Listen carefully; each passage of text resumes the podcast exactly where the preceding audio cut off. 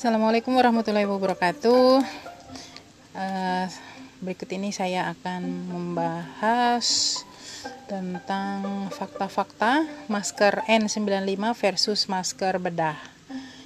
Uh, info ini saya ambil dari uh, majalah Intisari edisi April 2020. Jadi kita akan melihat fakta-fakta. Di sini ada dua masker. Yang pertama masker N95 Masker N95 ini e, bisa menyaring partikel di udara hingga di bawah 10 PM. Kemudian efektif menyaring 95% partikel di udara. Kerapatannya membuat sulit untuk bernapas. Iya, saya rasakan itu. eh, lain ya, ini ini yang anu nih, yang kayak mangkok itu. Kemudian tidak disarankan untuk anak-anak, ibu hamil, pengidap penyakit kardiovaskuler dan pengidap penyakit paru-paru kronik.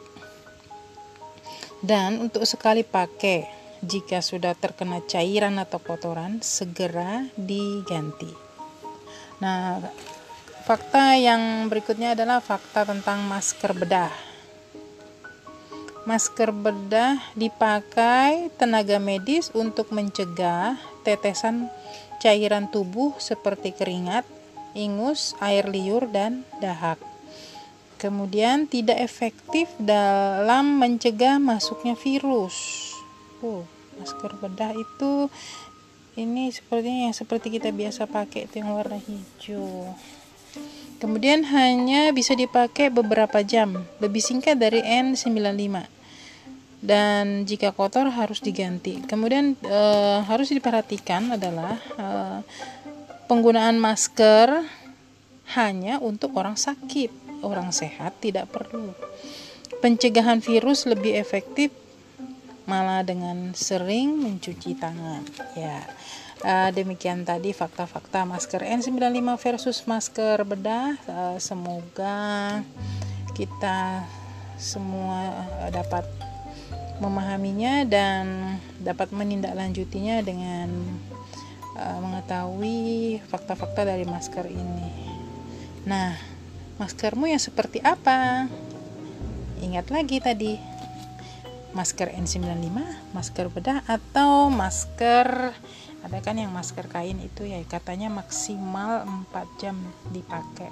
Nah kalau kita sudah berjalan kurang lebih selama 4 jam menggunakan masker itu berarti kita harus sangu nih sangu masker bedah eh bukan masker kain yang lainnya untuk mengganti setelah 4 jam dipakai.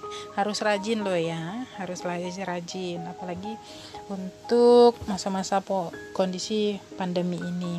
Dan ditarakan untuk sekedar informasi akan diberlakukan PSBB tanggal 26 sam 26 April sampai 30 Mei 2020. Sampai setelah lebaran. Ya, sabar aja. Memang itu yang harus kita jalani, tidak usah protes biar semua yang kita jalani uh, menjadi tidak menjadi beban gitu ya. Kita ya mungkin sudah memang sudah waktunya lah. Selama ini kita biasa nyaman sudah biasa pergi keluar kongko kongko dengan teman-teman.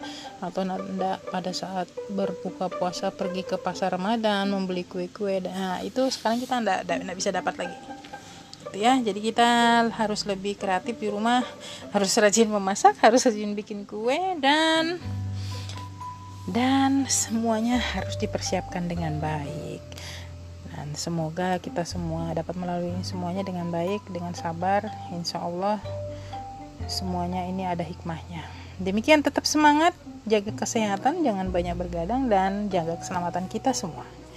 Saya tutup wassalamualaikum warahmatullahi wabarakatuh. Dah